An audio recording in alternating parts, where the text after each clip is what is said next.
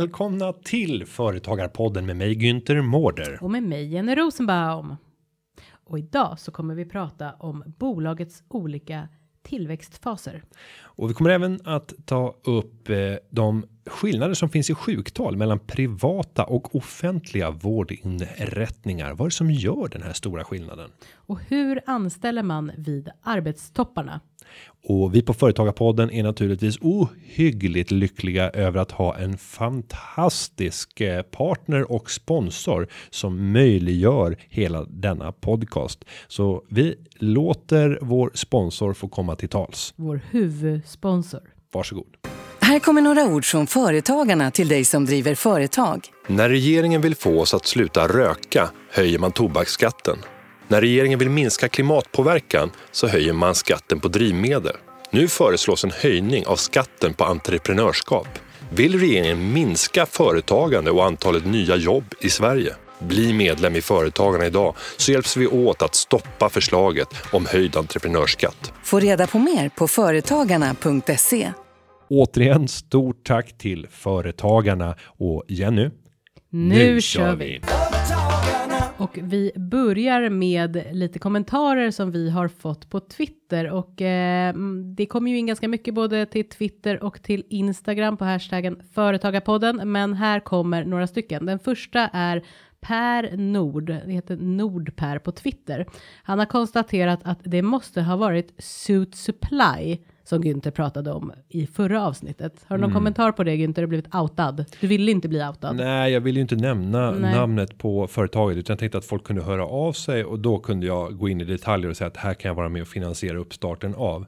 Men nu visar det sig att det gör inte så mycket. Det verkar som att jag redan är ett steg efter. Jag fick läsa att de kommer att etablera en butik redan 2017.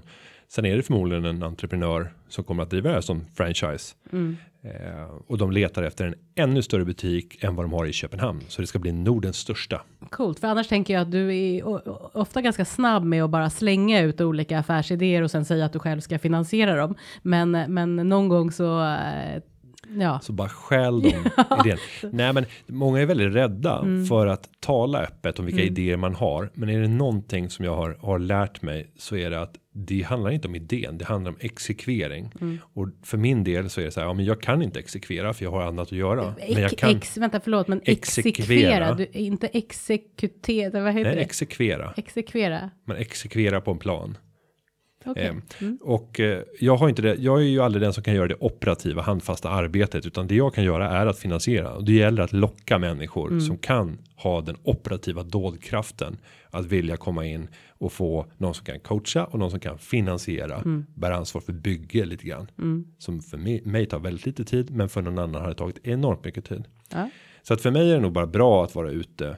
Eh, Men det är många gånger där jag känner så här, varför gjorde jag det inte? Och jag Är det många gånger? Är det någonting specifikt? Ja, det finns en. En specifik, ett specifikt tillfälle. Mm. Eh, året var 1900, kan det ha varit 1999? Och jag Mm. Du var- befann mig du, i Du var Barce- purung. Ja, jag var i Barcelona Barcelona. och där jag observerade en helt annan typ av avfallshantering på byggarbetsplatser. Där jag hittade, de körde Det är inte med det första man tänker på att man observerar när man åker till Barcelona. Barcelona. och Det La, Rambla, La Rambla och titta på Gaudi.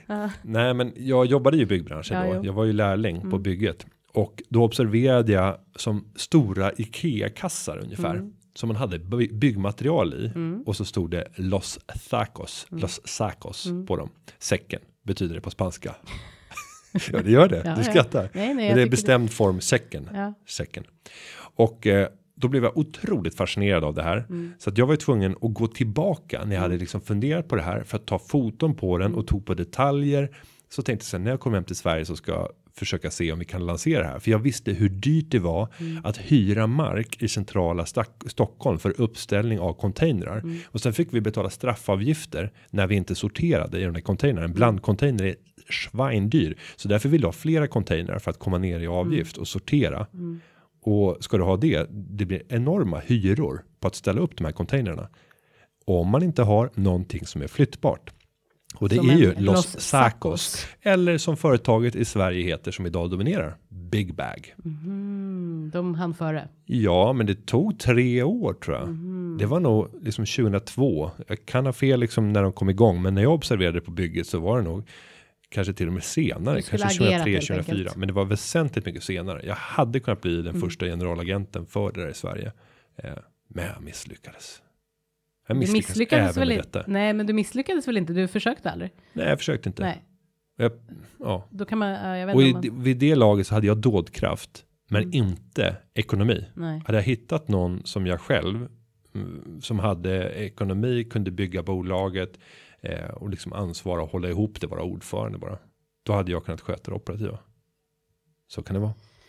Men eh, Ja, vi det går, om Suit Supply. vi, vi går vidare. En annan kommentar eh, på Twitter från Nicolas Ahonen som pratar om avsnitt 49 eh, där vi pratade om hur, eller Günther pratade om hur snabbt man kunde registrera ett bolag och i Sverige och vad sa vi, vad sa du, snabbast det var tre Ja, fy, fyra dagar tog Fyra det för dagar. mig nu senast. Fyra dagar, men Nicolas eh, Ahonen säger alltså att snabbaste bolagsregistreringen är Estland 18 minuter.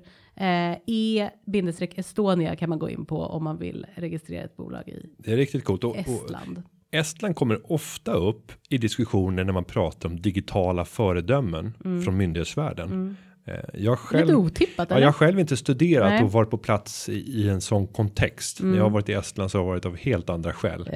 Då har man tagit, färja. ja, men har tagit den här fyllebåten och så som har gått på, eh, vad heter det, inte terroristmuseet, men, men där de har, eh, när man använder föremål förr i tiden för att tortera, tortyrmuseet. Jag tror att det heter tortyrmuseet, så visar de upp tortyrredskap genom historien. Okej. Eh, Ja men det är typ så här eh, grabbgäng som åker på fylleresa. Nu var det här f- 15 år sedan men ändå. Det kanske inte ens finns kvar.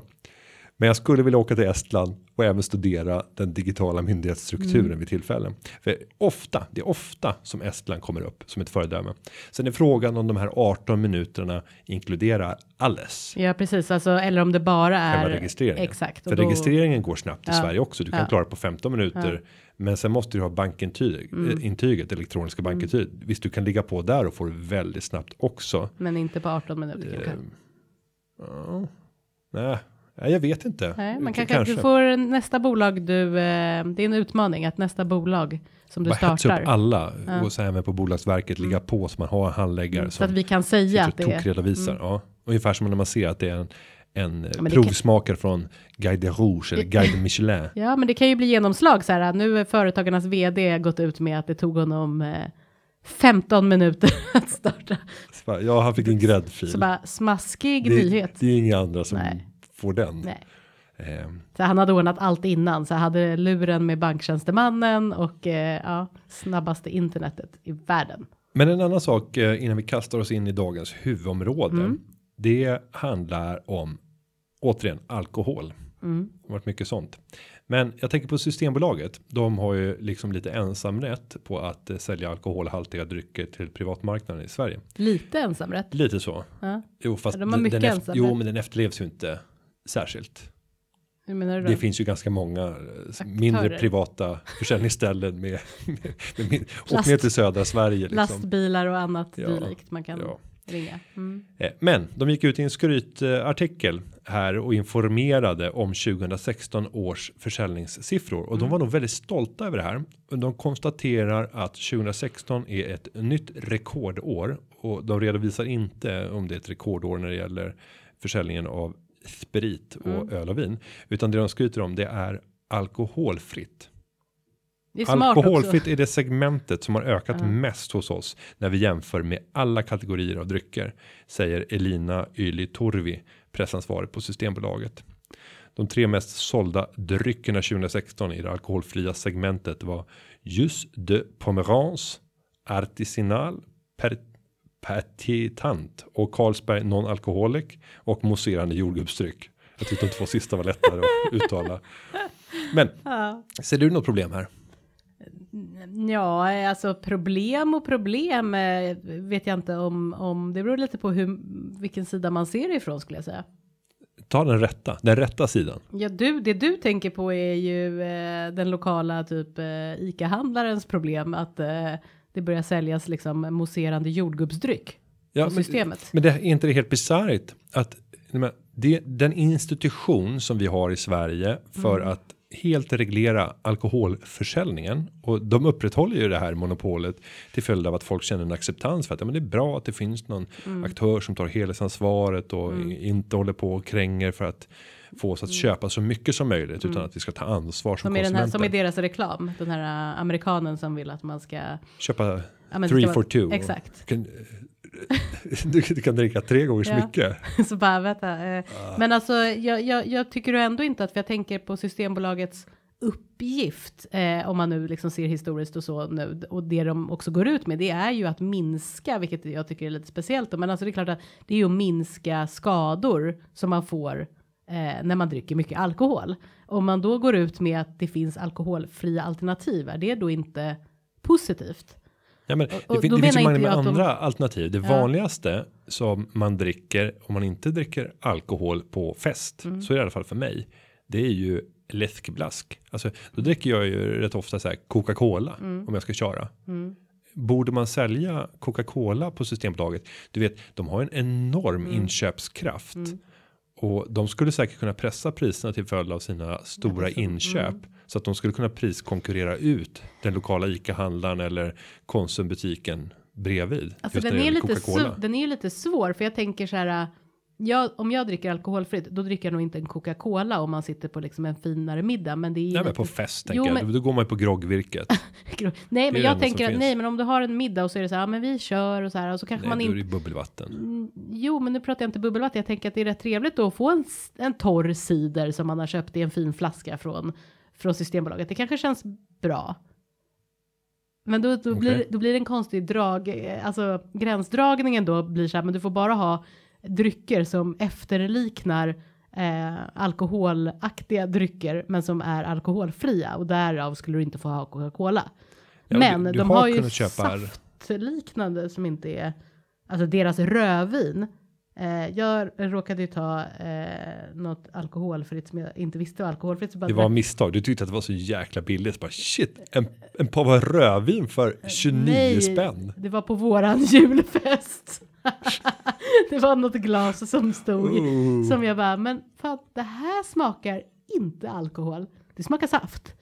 Det är inte överhuvudtaget likt rödvin. Eh, det tycker jag nästan är skamligt. Att man kan ta så mycket säkert betalt för någonting som bara är, är saft. Men jag tycker den viktiga principiella eh, frågan Ja. här ändå är att Får man ta... Systembolaget borde inte hålla på och kränga alkoholfria produkter på det här sättet. Men kränga, tycker du att de inte ska få ha, för i så fall tycker jag gränsen ska gå helt. Alltså så här, då ska Systembolaget ska vara ett bolag där du bara får köpa eh, alkohol.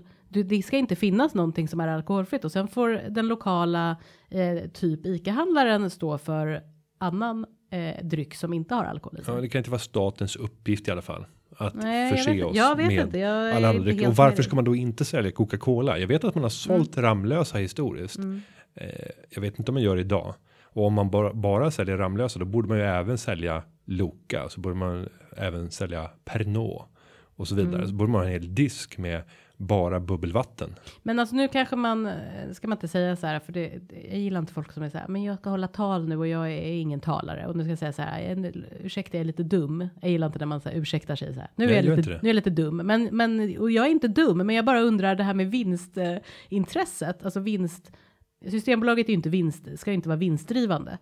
Jo, Men det tror- jo, det ska absolut vara vinstdrivande. Det ska ju ge tillbaka pengar. Alltså Mm. Systembolaget får inte gå med förlust. Nej, men, men eh, det står väl i deras säkert stadgar också. Alltså de, de, får, de skulle ju, alltså, i och med att det är ett monopol så kan de ju ta vilka priser de vill.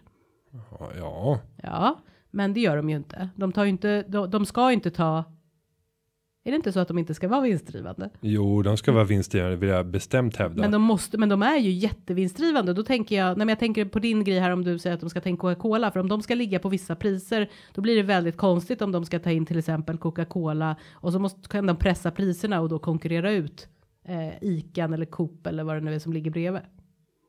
Ja, och nu tittar jag på årets resultat. De, de nu är ju 2015 års Mm. siffror. De omsatte 27,7 miljarder och gjorde 198 miljoner i vinst. Så att det är ju inte någon någon brutal vinstmarginal som borde kanta en monopolist Nej. eh, på 0,75 Nej, för jag tror att deras. eh, Men sen ska man ju betänka att för, för statens del så tar man ju ut det mesta genom punktskatterna på alkohol Mm. istället. Det är ju det som gör att om vi ska ta en sparad krona Mm. så kan faktiskt de allra finaste vinerna Mm. som finns i världen. De kan vara billigast i världen på Systembolaget. Mm. Eh, och, och det har att göra med att den tyngsta punkt, eh, den tyngsta skatten, det är punktskatten på alkohol som är per flaska om vi tittar per alkoholenhet. Och, då betalar man ju lika mycket punktskatt för en flaska som kostar 3000 kronor som kostar 60 kronor i alkoholskatt. Mm. Det som däremot skiljer är ju momsen på den. Den blir ju högre på 3000 kronors flaskan. Men Systembolaget har en sån enorm inköpsorganisation eller organisation, inköpsvolym så att de kan få ner priserna så att de får bland de bästa priserna i världen på de här fina vinerna. Så många av de riktigt fina vinerna så är det fantastiska priser i Sverige. Men Dyrare sänktes priserna när, jag vet inte när det var, men när man handlade över disk. Det var ju en annan upplevelse på Systembolaget. Eh, Har du varit med om att priserna har sänkts på Systembolaget? Ja, men det, det, gjorde, det var en period då priserna på öl successivt sänktes, men det var till följd av konkurrensskäl. Det var ju inte, nej, det var och inte det var ju aktörerna själva som då sänkte sina marginaler eller hittade nya typer av produktionssätt. Ja, nej, men det är speciellt för jag tänker också att om man har Coca-Cola, då kan man också börja köra lite jordnötter och eh, en Varför chips. inte ha mjölken när man ändå är Mjölken till, till när man eh, gör en eh, White colada rice, eller white, white rice. Ja, min favorit alltså. Älskar white russian. Fast vet du, om man dricker för många sådana, då har man helt plötsligt druckit jättemycket. Och om man är ute, om man dricker hemma kanske man dricker då med lättmjölk eller liknande, men om man dricker ute då har man druckit en lite grädde. ja, Det blir inget bra för magen. Men och annars är white russian trevligt. Nej men precis, man, lite mjölk och sen då eh, lite chips och lite jordnötter. Ja, jag säger nej. salta pinnar. Ja, jag säger nej fullständigt. Ja. Men nu har vi i alla fall fått en diskussion Mm. om eh, det absurda som eh, inte bara jag tycker utan även Tom Flumé som har faktiskt skrivit det här på Twitter när jag gick ut med det här inlägget. Han tyckte att det är bisarrt och frågan borde lyftas i företagarpodden. Det är nästan så här. Den här frågan borde tas upp i riksdagen. Nu har den tagits upp Vi har lyft frågan. i företagarpodden. Mm. Fortsatta diskussioner och tankar eh, välkomnas. Vi tar oss vidare. Det gör vi. Och jag tänker att idag är ju temat eh, på den här podden, förutom allt annat vi pratar om, men jag tänker att vi ska prata lite om hur man ökar försäljningen i ett företag.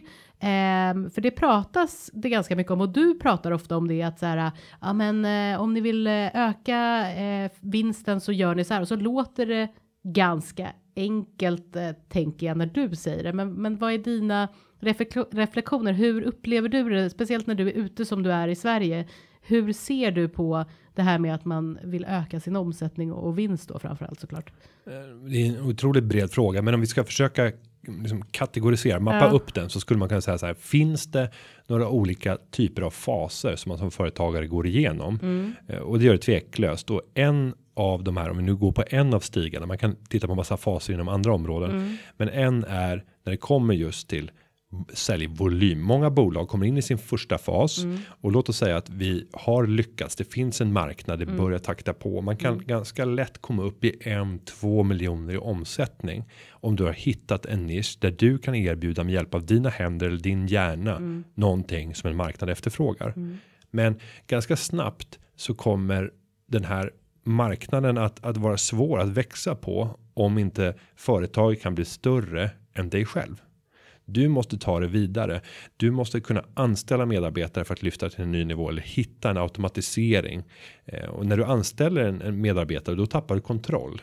Ja, för att det, alltså, eh, om man tänker på eh, framförallt rådgivningen där jag jobbar så är ju det en väldigt vanlig fråga. För det första är det ju många som har företag som då inte känner det här eh, att de klarar av att gå då från det du pratar om till just det som krävs. För ofta är det det som krävs för att kunna lyfta så måste du anställa. Men när du anställer den där första personen, det brukar vi säga, det är ju det svåraste att dels våga och sen det ekonomiska att du har ändå då ansvaret att också, för när du är själv så har du ju bara dig själv.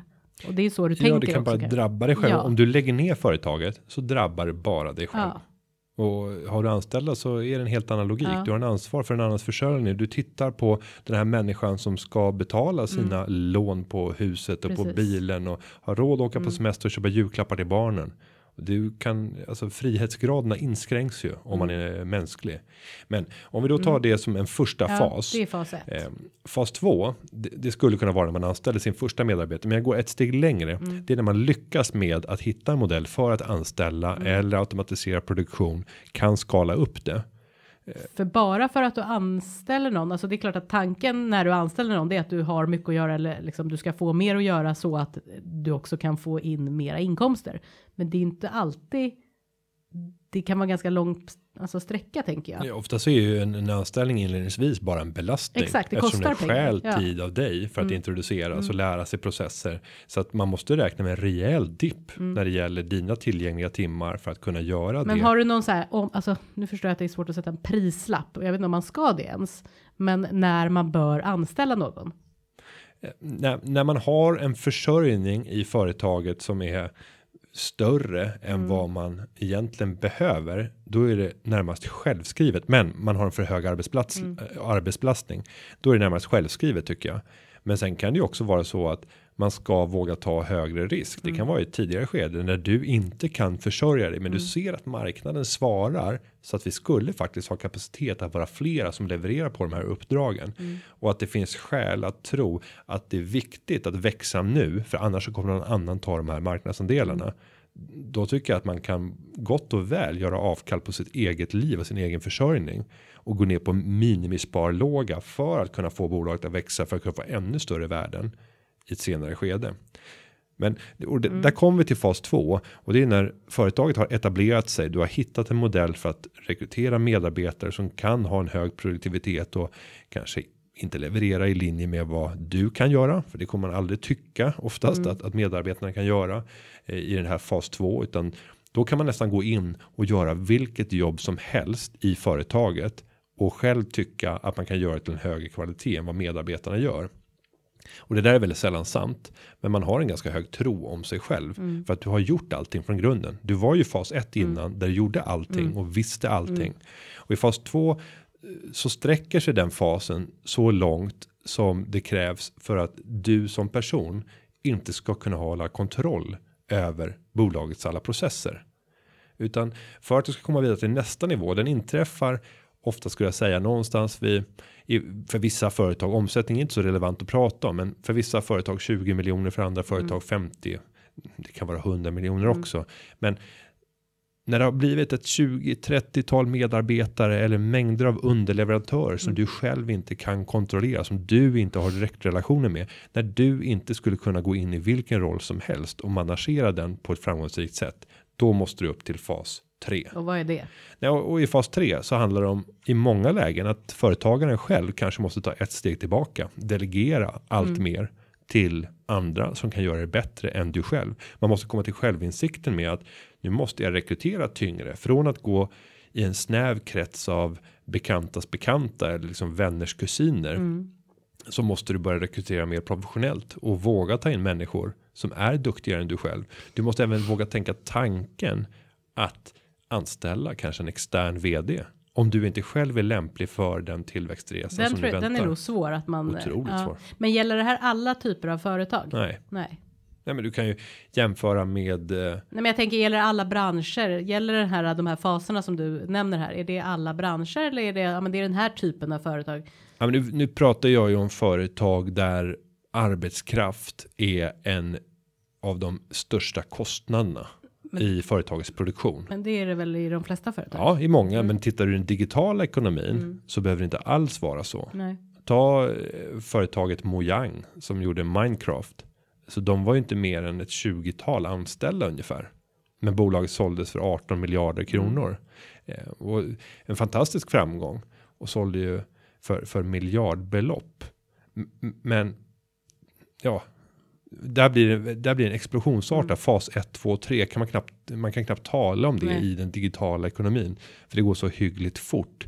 Och det är skalbart.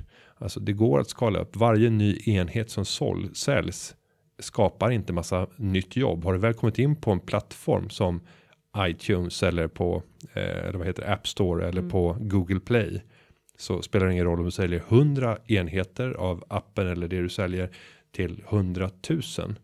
Det kommer inte att beröra dig och värdet stiger till och med Mm. ju fler som använder tillgången ju högre blir värdet. Mm. Jag tänkte vi ska resonera. Jag håller på att läsa en intressant bok och just vad som kännetecknar den nya ekonomin och vilka som kommer att möta på riktigt stora problem och motstånd till följd av hur man tänker fel kring det.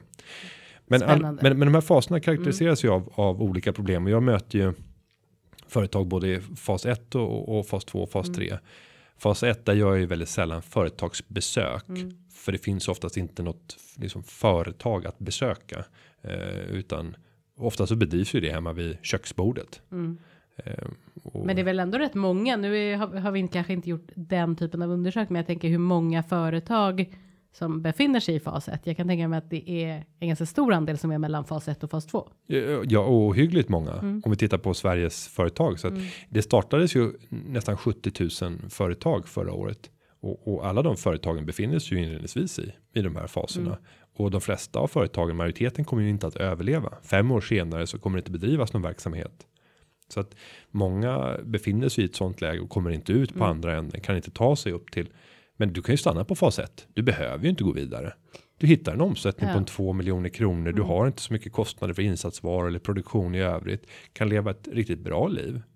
Och kanske inte finns något skäl att växa. Många solokonsulter, oavsett vad man jobbar med. Det kan ju vara allt inom att du är eh, sjukgymnast till att du är coach eller redovisningsekonom eller IT-konsult och jobbar på fri basis. Alltså bara friheten av att äga sig själv. Kunna säga att "Ah, jag går ner på sparlåga eller jag jobbar hårt nu i ett halvår för att sen kunna gå ner på sparlåga och jobba från Thailand i ett halvår. Göra några få uppdrag där för att bara klara brödfödan eh, och ha lite sparade resurser. Det är lite svårare att göra i ett organiserat större företag med många anställda. Så det kan ha många stora fördelar.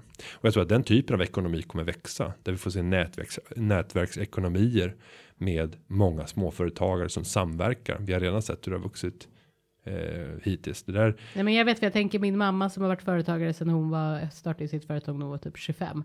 Hon har ju aldrig haft anställda och jag kommer ihåg att jag har frågat det, men varför vill du inte anställa? För det har ju varit perioder när det har gått jätte, eh, alltså jättebra, men det har gått bättre och så perioder när det har gått sämre. Nej, men då har det ju varit just det här som du pratar om, att man vill kanske inte ha ansvar över en annan människa, även om man vet att det kanske skulle göra så att företaget blev såklart mycket större. Men man vill ändå ha den friheten du pratar om att själv bestämma när och hur mycket jag ska jobba.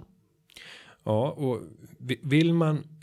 Jag tror man kan få ett fantastiskt liv så, men vill man bygga någonting större.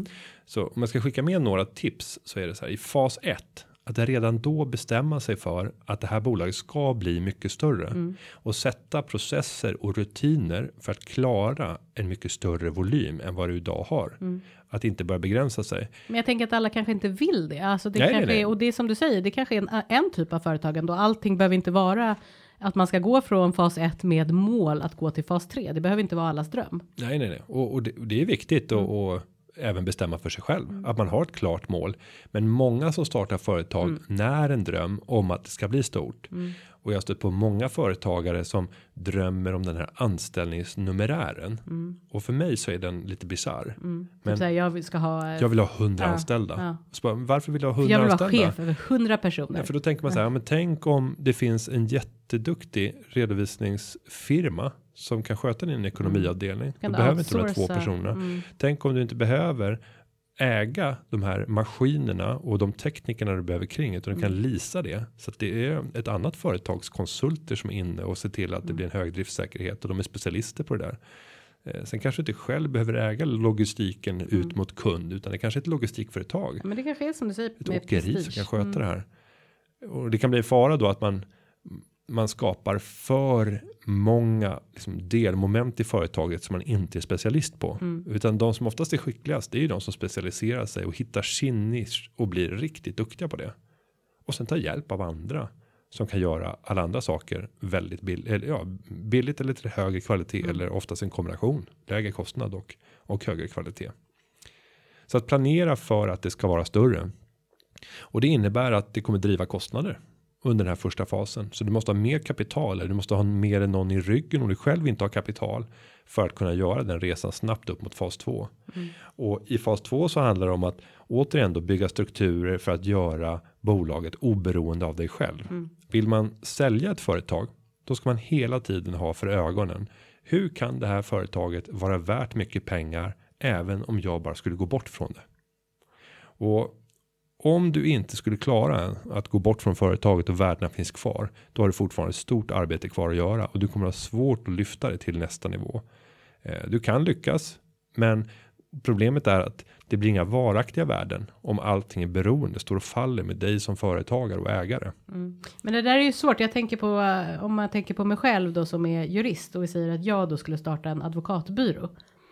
Mm, det blir väldigt svårt. Alltså de, alltså nu pratar, vet inte jag vad gränsen går på en advokatbyrå, men det är väldigt få advokatbyråer där du känner att du inte som alltså är den som har startat. Du är den som har startat, men advokatbyrån behöver det inte. Eller så är det så att advokaterna alltid jobbar kvar, för de jobbar ju alltid kvar på byrån. Är det då, men förstår du, jag tänker att, att den typen av tjänster, den är ju beroende från början och ganska lång tid när du bygger upp den typen av verksamhet eh, av dig som person eftersom det var du som startade den. Jo, och, Eller inte eftersom, men du förstår hur jag tänker. jo, och jag skulle säga att ju högre grad av förtroende business Ja. som det är, desto mer naturligt är det att det är beroende, för det handlar Mm. om relationsförsäljning. För då är det svårt att säga, ja men det här är seniora advokaten, den som startade den och så vidare, delägare. Nu ska den personen dra och så hoppas man att, alltså då måste man ha byggt, det är svårt tror jag, hoppa då från fas 1 till 2 tänker jag. Och det här göra sig ber, oberoende. Ja, fast man kan ju tänka lite annorlunda Mm. och, och det är att bygga en, en struktur där du faktiskt jobbar väldigt hårt med att sätta företagets varumärke främst, att bygga en kännedom kring ett varumärke som inte är beroende av dig själv. Du kanske inte behöver ha ditt efternamn Mm. i titeln. Du kanske inte behöver fronta Mm. utan försöker hela tiden pusha upp andra mer juniora spelare att få tidigt ta ansvar. Och det där är ju så, alltså nu, nu Ja, ja, ja. det är ju få som vill ens det med, med Man den. vill ju vara stjärnan. Ja, alltså, det är ju. Mm. oftast och så vill man sätta sitt namn på den där. Ja, men den, just den håller jag för sig med om. Det där är lite roligt med just advokatbyrå att de alltid ska heta efternamn, speciellt om det är många så är det så här fem efternamn. Mm. Så här, bra mailadress, bra visitkort. Ja, men det är ju prestigen i Ja, det där. att man får ha sitt kära namn och vem som får ha först och sådär. Men sen har ju den, alltså byråvärlden Mm. har ju levt under en konsolideringsfas. Så att det är ju många små firmor, advokatbyråer som har gått samman. Och Ja, bildat de här stora jättarna som Ja. vi har idag. Samma sak ser vi ju på redovisningskonsultsområdet, Ja, redovisningsbyrå. Där är det the big four som har svalt de flesta. Eh, och visst, det har varit en företagare som själv genom sina relationer byggt upp de här kontrakten. Redovisning är lite annorlunda, för där är det ändå ett löpande uppdrag som utförs. Så att om någon bara kan fortsätta utföra det uppdraget så kan affären rulla på. När det gäller ja, ett större företag, då är det ju så att ja, men där rullar de juridiska ärendena på hela tiden. Men för en, ett normalt företag med kanske enstaka. 20-40 miljoner omsättning, ja, men då vill man helst ha så lite som möjligt med Jo, jo, absolut. advokatfirman. Men jag bara menade, eh, exemplet var mer för att jag menar att det kan vara svårt att göra sig eh, oumbärlig i de här tidiga faserna när man startar den typen av bolag. Nej, men ja, det, det håller jag med om. Men att, att tänka att på sikt så ska jag successivt bara slussa över och göra så att företaget blir större än jag själv. Ja, intressanta tankar, för jag tror inte så många tänker så när de startar sitt företag. Nej, det, det är nog tyvärr lite ovanligt. Vi kommer säkert återkomma många gånger till tillväxttemat för det är intressant och Ja. eh, många företagare tampas med det. Men jag tänkte att vi ska ta några frågor också. Företagarna. Varsågod. Då tar jag en fråga och det är Marcus från Örkelljunga. Han skriver så här. Hej Günther och Jenny, tack för en kunskapsgivande podcast. Tack själv. Tack. I december så skrev DI, alltså Dagens Industri, att sjuktalen var mycket högre hos de offentliga aktörerna inom vård och omsorg jämfört med de privata aktörerna. Varför är det så egentligen? Vad beror det på? Tacksam för svar. Marcus. Eh, jag bollar över frågan till den som är, sitter med hungrig blick Mm. och bara vill dyka in i en lång monolog som jag kommer att avbryta. Ja, men det här är roligt. Det här är roligt. Ja. Och vet du varför? Nej. Jo, för att Roligt vet jag inte om, om det är. det är roligt att privata aktörer inom välfärden Mm. lyckas hålla sin personal mer frisk och stark än offentliga. Var, ganska, och varför? ganska varför? roligt. Vad tror du? Eh, ja, det har att göra med flera faktorer. Ja. Faktiskt. Har du Eh, det? Nej, men det första som jag skulle vilja lyfta upp, det är moroten. Moroten är viktig. Eh, Moroten i form på privata företag så äter man minst en morot om av. dagen. Ja, jag tänkte säga det. Där har man rivna morötter som det gör att man får ut C-vitaminen Ja, lite och mer. ibland så kör man hela som Ja. snacks. Och det är en stor skillnad. Men man kokar Nej, inte. men jag tänker, det- på, jag tänker på den, den monetära moroten. Ja. Alltså piska och morot. För en företagare så är det helt liksom självklart att det viktigaste för mig om jag Mm. jobbar med en personalintensiv verksamhet, vilket välfärdsföretag ofta är, det är att min personal är frisk till att börja med och att de är, är nöjda, levererar topp på arbetsplatsen. Gör de inte det, då kommer det att börja svikta. Om de börjar bli sjuka, då är det min avkastning som ni kommer göra avkall på. Det är jag som företagare, om jag inte hittar någon annan så är det jag själv som får ställa mig och göra de här arbetsuppgifterna som någon annan skulle gjort som nu är sjuk. För det är väldigt svårt att på kort varsel bara ta in folk som med en hög effektivitet kan göra det jobbet som den sjuka personen Och kan den göra. enorma kostnaden som det är också att stå, alltså när man inte har ett jätteföretag eh, för dem, om det nu är upp till två veckor eh, som faktiskt företagaren betalar. Det är, det, det, det är en sån mycket. Mm. extremt stor morot för företagaren att få personalen att hålla sig frisk. Mm. Sen har du ytterligare en aspekt och det är chefstäthet. Ofta på de privata enheterna, om vi tittar i välfärds, välfärdsföretag, så är de normalt sett mycket mindre än vad motsvarande enheter är inom offentlig sektor. Och det gör att det blir lägre eller en högre grad av chefstäthet. Det är färre medarbetare per grupp och per enhet. Och ju närmare man har till chefen, desto mer tror jag att man känner en, känsla av att kunna eh, ha ett inflytande över sitt arbete, sin vardag. Du får också en helt annan personlig relation. Alltså, du målar verkligen kollegor. upp bilden på att så här, det privata, där är det väldigt nära och fint och det offentliga, där är det en massa eh, tjänstemän som bara går omkring och blir sjuka. Ja, det, det är stora skillnader. Ja. det, det ska man liksom inte blunda för. Nej. Det vore nonchalant mot alla de människor som jobbar i offentligt skött verksamhet och där det just nu pågår liksom ett, ett dränage.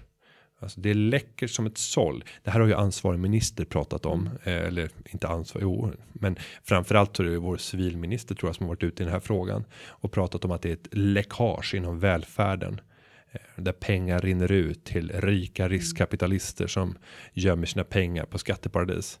Men om vi ska prata om var läckaget finns så är det ju i alla dessa vanskötta offentliga inrättningar.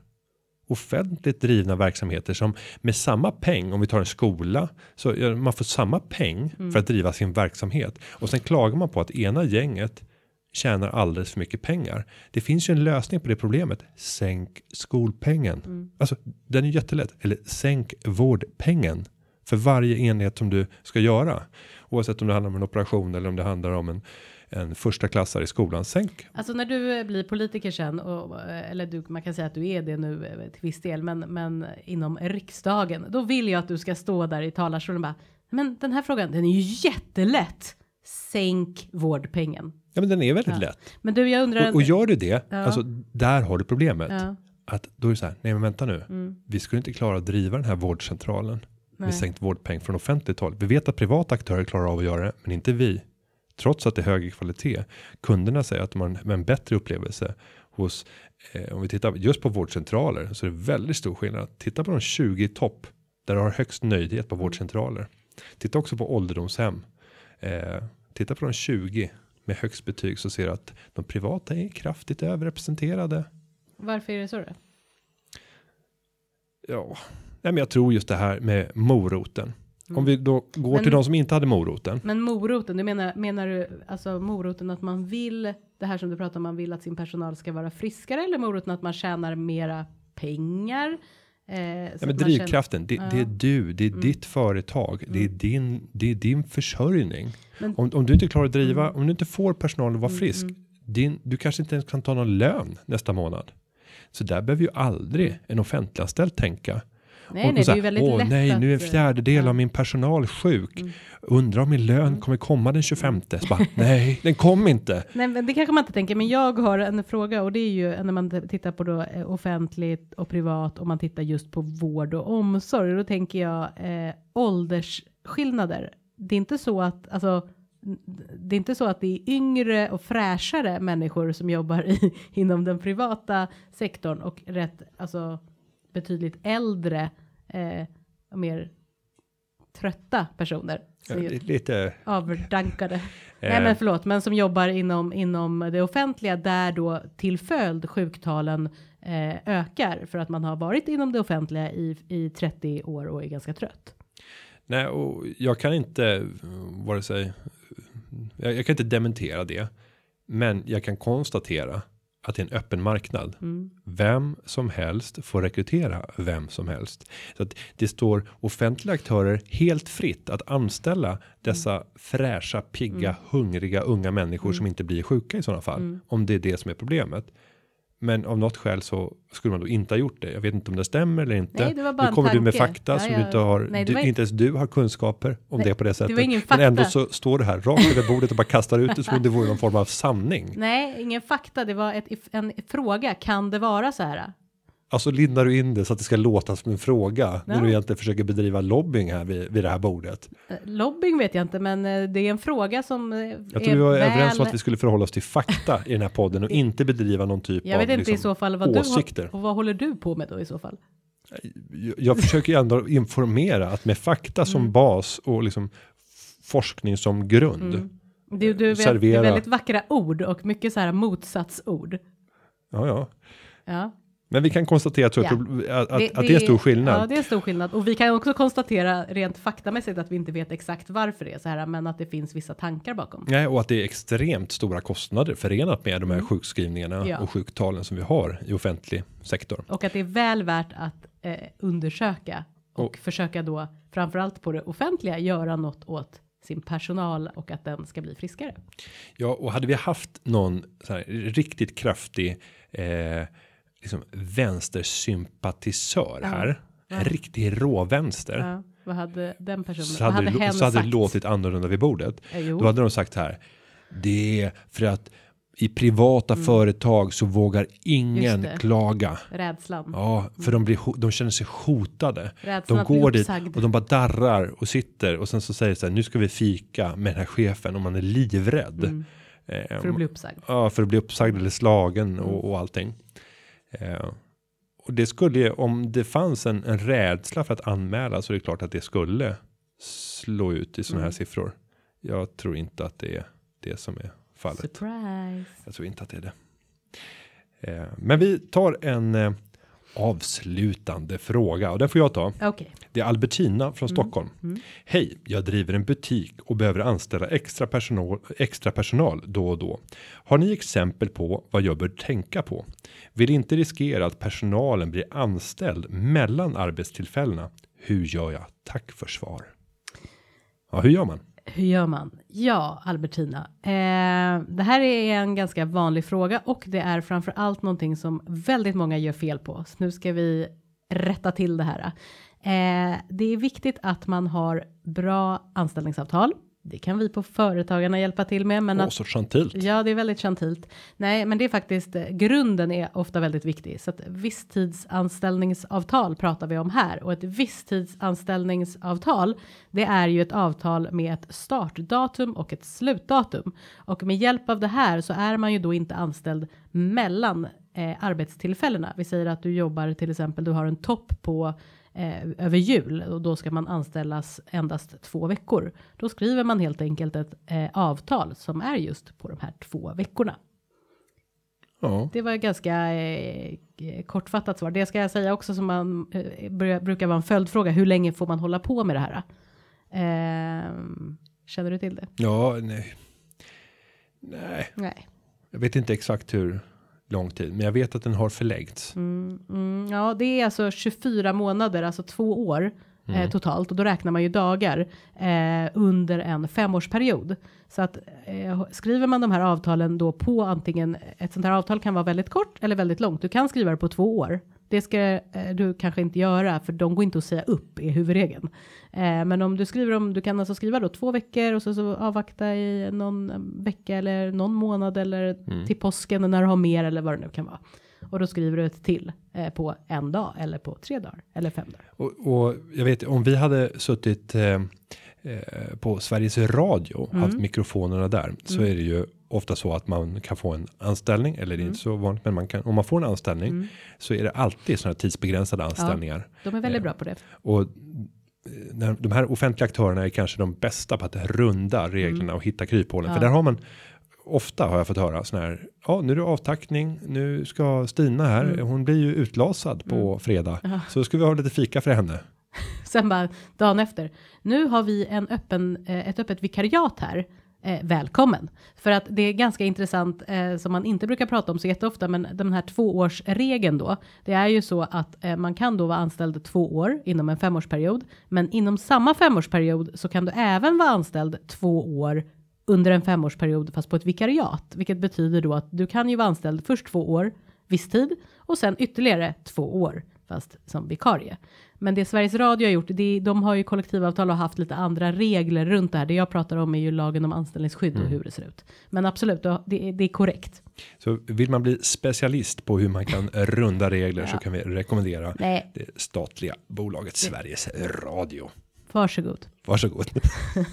Blir pappa besviken nu? Jag ska inte säga någonting, men nej, men det är väl inte. Men han är ju en av de få som har faktiskt uppburit en anställning och gjort under lång tid va? Ja, eh, en fast anställning, precis. Det, det, och det har ju varit extremt svårt, eh, vet jag, att få de här fasta anställningarna. Kanske inte då när han fick det, eh, ska jag inte säga att det var Nej. kanske riktigt så svårt, men, men det är ju, alltså de här, om man tittar på, jag tror just Sveriges Radio, om man tittar på sommarvikarier på Sveriges Radio, ganska kvalificerade människor.